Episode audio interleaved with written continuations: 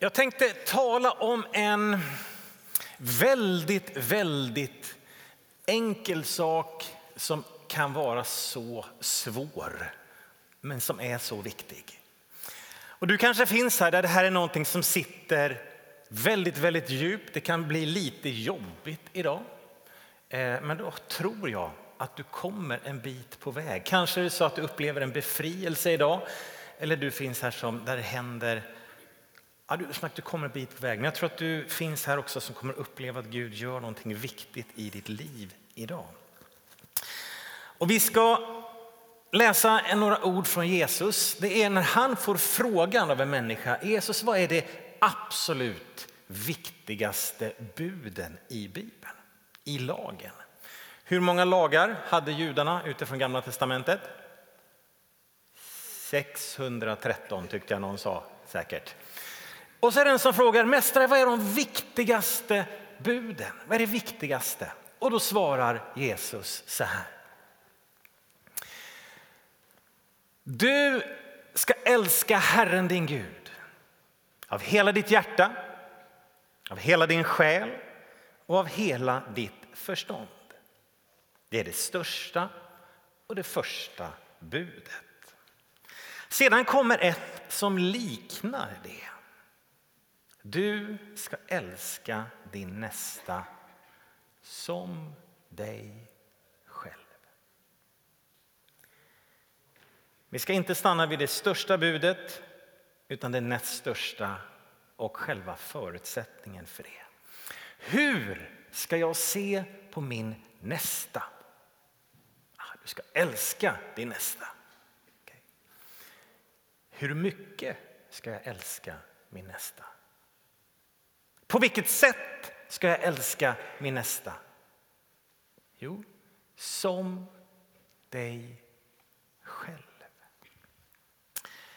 Alltså Jesus antyder, han säger att det finns ett samband med mitt sätt att se på dig, tala om dig, behandla dig med mitt sätt att se på, kanske tala om och behandla mig själv. Älska din nästa som dig själv. Jag hittade en bild med tre hjärtan. Vi ser att det är ett litet där bakom också. Du ska älska Herren din Gud och du ska älska din nästa. Ja, men det finns någonting mer.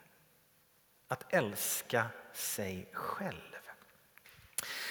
Det här är ju någonting som jag tror att vi som kyrka genom historien har talat mycket, mycket mindre om. Jag kan ju bara gå till mig själv och veta att ja, det är nog rätt sällan som jag predikat om det här. Och jag tror också genom historien.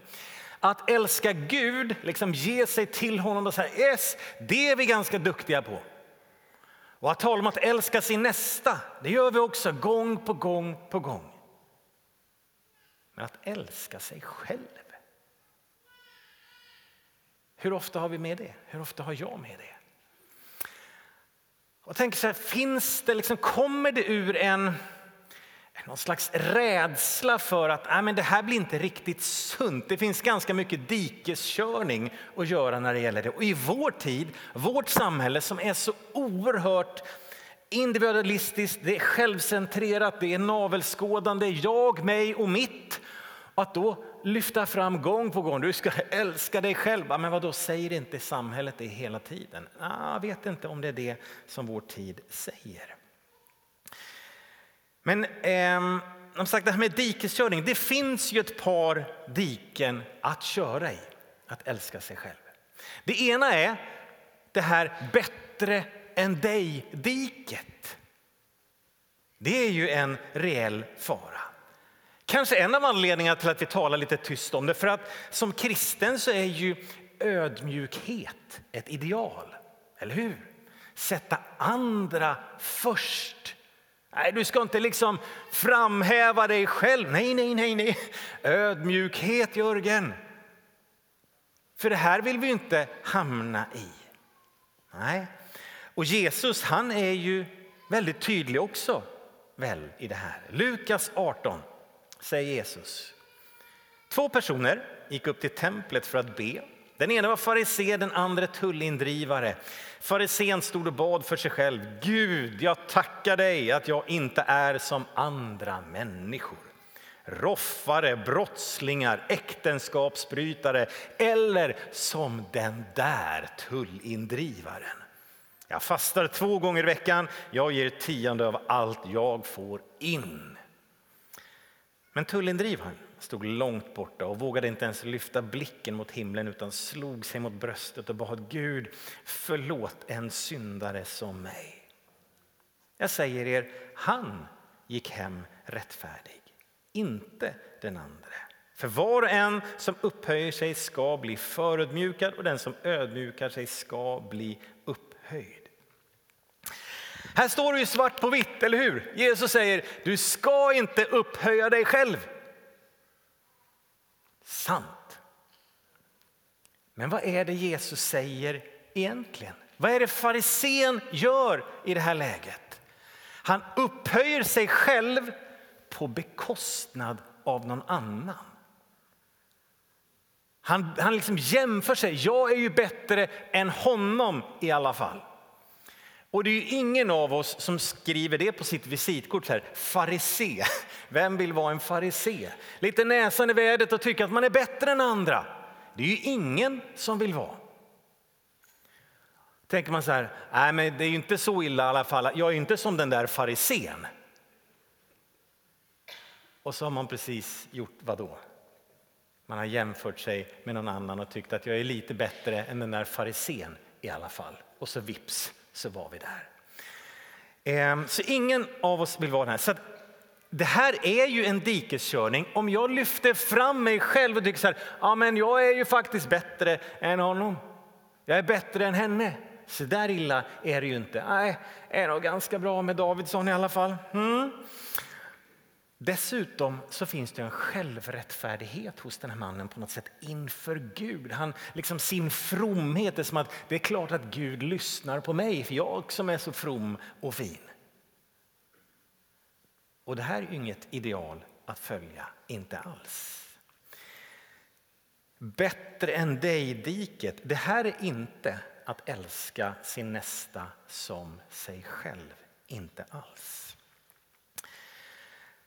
Sen finns det ett annat dike som kanske är nog så lätt att hamna i. Och det är ju sämre än dig-diket.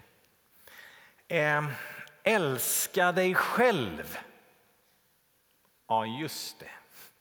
Som jag är. Om andra visste. Ja, du känner ju dina tankar. Du känner dina mörka sidor, din synd, misslyckanden, attityder, brister. Och någonstans tänker man att ah, det blir inte så lätt att älska sig själv i detta. För andra är ju mycket bättre. Tänk om jag var som honom, tänk om jag var som henne. Om vi dessutom lägger in hela vandringen med Gud så är det ganska lätt att tänka att ah, men jag är inte så andlig. Tänk om jag var som honom, tänk om jag var som henne ett sämre än dig-diket. Och det är inte så lätt att älska sig själv då heller om de tankarna får breda ut sig. Ja, men säger inte Paulus lite åt det här hållet också? Ja, typ. Det står så här. Paulus säger Kristus Jesus kom till världen för att frälsa syndare och bland dem är jag den störste. Ja, till och med Paulus och en stor syndare. Och den här kanske du ropar amen till när du ser på ditt liv. Han säger också jag, den minste av apostlarna, inte värd att kallas apostel. Och sen så blir så mycket av bilden jag bär av mig själv, det är allt jag inte är. Allt jag inte klarar, mina misslyckanden, mina brister. Jag når inte upp. Men det är väl ändå lite mer bibliskt. Det är någon slags ödmjukhet i det när jag liksom, ah, det här är jag, jag min arma syndare. Men med lite tur så kanske jag får komma in i himlen genom Guds nåd en dag. Jag vet, det här är inte heller att älska sin nästa som sig själv. Vart finns eh, någon slags väg att gå på då? Ja, jag är en människa med brister och du med. Alla har vi syndat. Men vet du vad? Det är inte det som är din identitet som kristen. Det är inte det det står på ditt visitkort. Och de här texterna vi läste. Om vi tar fortsättningen. Första Timoteus 1 och 15 fortsätter så här. Jesus kom för att frälsa syndare. Bland dem är jag den störste, men jag mötte barmhärtighet. För att Kristus skulle visa sitt tålamod först mot mig som en förebild för dem som ska komma till tro på honom och få evigt liv. Jag var den största av syndare, men någonting hände. Jag älskar den där bilden. Jag har haft med den förut här någon gång genom åren. På något sätt, men det är bara jag. Men nej, vet du vad? När jag speglar mig i ordet så är det någonting annat. Det är inte en luggsliten en liten gullig katt, utan det är ett lejon.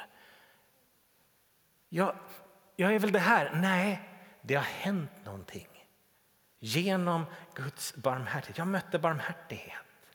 I samma stycke så skriver han att jag som förut var en förföljare, hädare och våldsman. Alltså om du tycker att du är en syndare så når du inte riktigt upp till Paulus nivå. Du är en sämre, du var sämre på synda än vad han var. Han var bättre syndare om man kan säga så. Eller en skickligare eller en större syndare än vad du var. Men, säger han, jag mötte barmhärtighet. Det har hänt någonting. Och i text nummer två om att han är den minsta av apostlarna, hur fortsätter den? Jo, jag är den minsta av apostlarna, inte värd att kallas apostel, men genom Guds nåd är jag vad jag är. Det är fantastiska rader. Detta lilla men som står med på så många ställen. Det har hänt någonting. Han skriver till korinterna i andra brevet att den som är i Kristus är en ny skapelse. Någonting har hänt med mig. Det ligger i historien. Det är ett nytt kapitel. Och vet du, jag vet. Jag vet att om du nu vänder blicken mot himmelens Gud och säger Jesus, vem säger du att jag är? Då vet jag vad han kommer säga. Nej, det kan du väl inte veta? Jo, det vet jag. För han har skrivit ner det. Eller människor har skrivit ner det anden ingav. Vet du, det som du kommer möta när du vänder blicken just nu den här söndagen, där du är i ditt liv, hur det än ser ut. Och så vänder du blicken och säger Jesus, vem säger du att jag är? Vad tror du att du kommer få höra? Det första som kommer från himlen det är så här. Wow! Du är fantastisk, säger Jesus om dig. Du är vacker. Du är begåvad, du är välsignad, du är mitt barn. Jag lyckades med dig. Nej. Jo. Nej. Jo. Vi hade kunnat ha en lång lista av bibelord, hela Nya testamentet som beskriver vem du är i Guds ögon. Vem du är i Kristus så står det att du är välsignad, du är Guds barn, du är kunglig. Du är begåvad, du är helig, du är liksom kallad till stora saker. Gud har planerat goda saker framför dig. Det, liksom bara, det fyller på. Så att när du idag, oavsett vad som hände igår, oavsett hur du tänker om dig själv nu, hur ditt liv ser ut, och så vänder du blicken och säger Jesus, vem säger du att jag är? Så får du höra att wow, jag lyckades med dig. Du är så fantastisk. Vilken skapelse! Och så klappar Gud sig lite på axeln och säger ha, vad duktig jag var. När han tittar på dig. Det är din identitet. Det är vem du är i Kristus. Och då i den här texten om det viktigaste budet, som vi började med. Det finns fyra olika ord för kärlek i Nya testamentet. Och ett av de här orden är agape.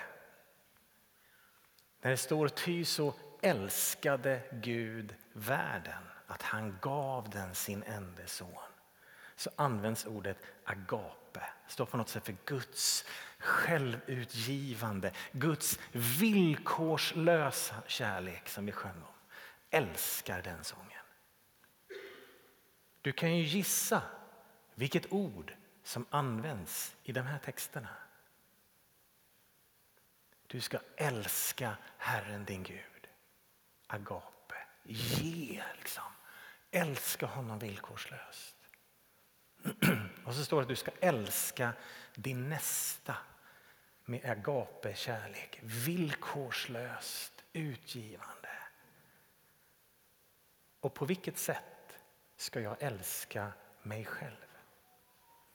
Villkorslöst med en agape kärlek. Så stark är den texten. Och Det här handlar ju inte bara om att liksom peppa sig själv lite grann. Kom igen Jörgen, du är nog ganska bra ändå. Alltså det är bra att tänka positivt om sig själv och livet. Och det kan räcka ganska långt ibland. Men det här handlar inte om det. Det här handlar om att säga samma sak om dig själv som Gud säger om dig.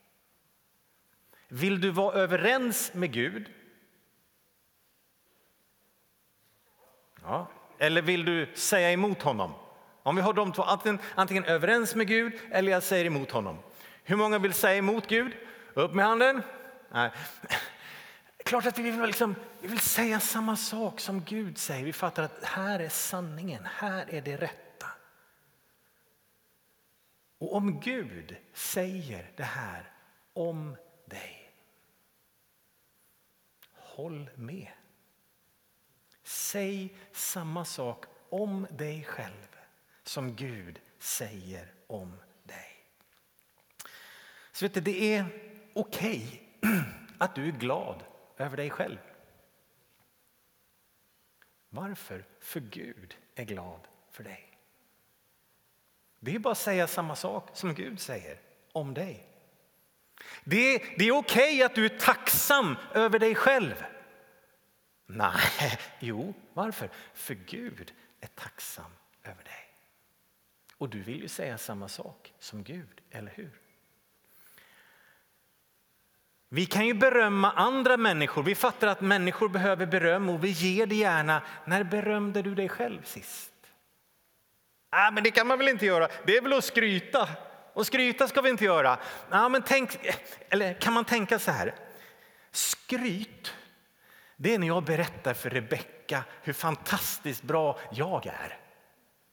Det är att skryta. Men om jag berättar för mig hur bra jag är, Tänk, det är inte att skryta. Utan det kan vara att uppmuntra mig själv. Jag gjorde någonting bra. Och Gud säger, ja Jörgen, du gjorde bra. Heja dig, kommer det från himmelen. Det är okej okay att du är glad över dig själv, tacksam över det goda som är i ditt liv. Varför? För Gud är det i ditt liv. Och du vill ju hålla med om vad han säger. Och jag tänker att en del av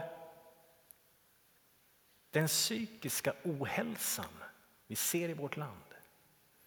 En del av det här vilsna identitetssökandet som vi ser i vårt land.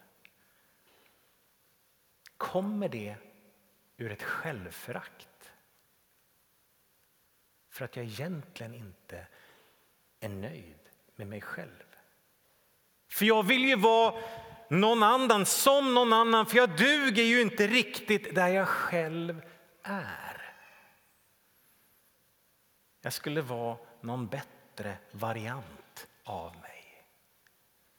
Och så behöver jag hitta, forma, skapa, välja en annan identitet.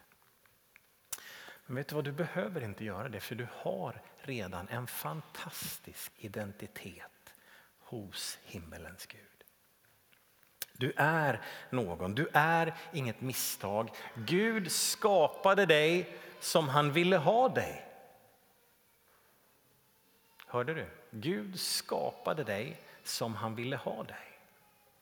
Gud ville dig. Du ska vara dig, du ska inte vara någon annan. Skapad till Guds avbild. Gud älskar dig. Gör det du också. Gud älskar dig. Gör det du också. Var överens med Gud i detta. Genom Guds nåd är jag vad jag är. Ibland när det gäller äktenskap så kan man ibland säga så här att man ska inte hitta någon man älskar utan man ska älska den man hittar. Det är lite olika sätt att se på ett äktenskap. Men om vi lägger det på oss själva. Att inte älska den jag skulle vilja vara. Utan att älska den jag är. Oj, så svårt det kan vara. Att älska den jag är. Men vi säger ju det, vi sjunger det gång på gång. Åh, tack Gud att du älskar mig. Och det på något sätt, det tror vi på. Typ. Och vet du, då känner han dig bättre än vad du känner dig själv. Han ser alla de här bristerna som vi dras med. Vi kommer inte bli perfekta på den här sidan evigheten. Och trots att han vet precis allt om dig så säger han wow, vilken skapelse. Jag lyckades med honom, jag lyckades med henne. Kallar han, på, kallar han några änglar så säger han så här, kolla, kolla, ser ni? Kolla på Jörgen. Oh, stilig han är, vad bra han är. Jag älskar honom. Och så tittar han på dig och sen hämtar han några andra änglar och säger, kolla där, vilken fantastisk människa. Om Gud säger det om dig, vem är du att säga något annat? Har Gud fel? Är du inte värd att älskas? Han som vet allt om dig och ändå älskar, har han fel? Nej, säg samma sak om dig själv, till dig själv, som Gud säger om dig och till dig. Ni kan få komma fram.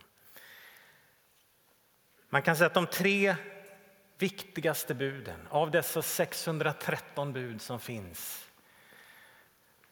Vi följer inte buden på det sättet, men judarna de har 613 bud utifrån Moseböckerna. Älska Gud, älska din nästa och älska dig själv. För att det finns det här sambandet att om jag har svårt att älska mig själv. Hur kan jag då älska dig? På något sätt ligger det i det Jesus säger. Eller hamnar jag i då det här jämförandet? Är jag bättre eller sämre än? Det handlar inte om att titta på någon annan och tänka är jag bättre eller sämre än? Bort det liksom. Vi tittar inte på varandra utan vi tittar på honom och så tittar vi i den här spegeln. Och så hör vi, du är älskad. Du är fantastisk.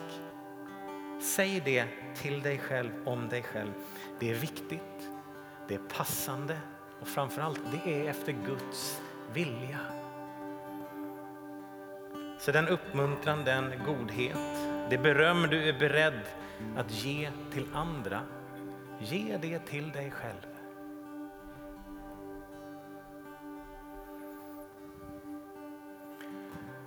Bra predikan idag Jörgen, tack så mycket.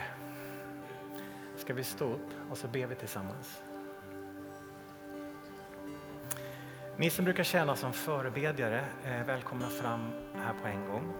För dig som är ny här så brukar vi alltid ge möjlighet till dig att någon ber för dig. Det kan vara någonting som har rört vid ditt hjärta utifrån predikan eller gudstjänsten. Det kan vara någonting helt annat som du kommer hit med. Du kan vara sjuk i din kropp, du behöver ett Guds bidrag. Då vill vi be för dig. Det här är enkla, vanliga människor som älskar Jesus och älskar människor, så de vill betjäna dig i förbön. Medan vi lovsjunger och ber så är du välkommen fram på en gång. Herre, vi tackar dig. Vi tackar dig Jesus. Herre, när du säger att du älskar världen så mycket att du gav din son Jesus Kristus till att dö på ett kors så innefattar det mig. Ty så älskade du mig. Ty så älskade du varje människa här inne så mycket att du gav ditt liv. Och herre, jag ber att denna enkla sanning ska få bryta igenom kanske år av självförakt.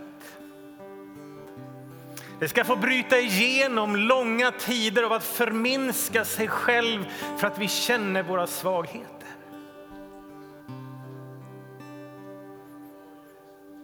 Herre, för när vi vänder blicken till dig så möts vi aldrig av fördömelse, vi möts aldrig av hårda ord. Vi möts aldrig av det arga ögat som säger att du räcker inte till, utan du ser med kärlek.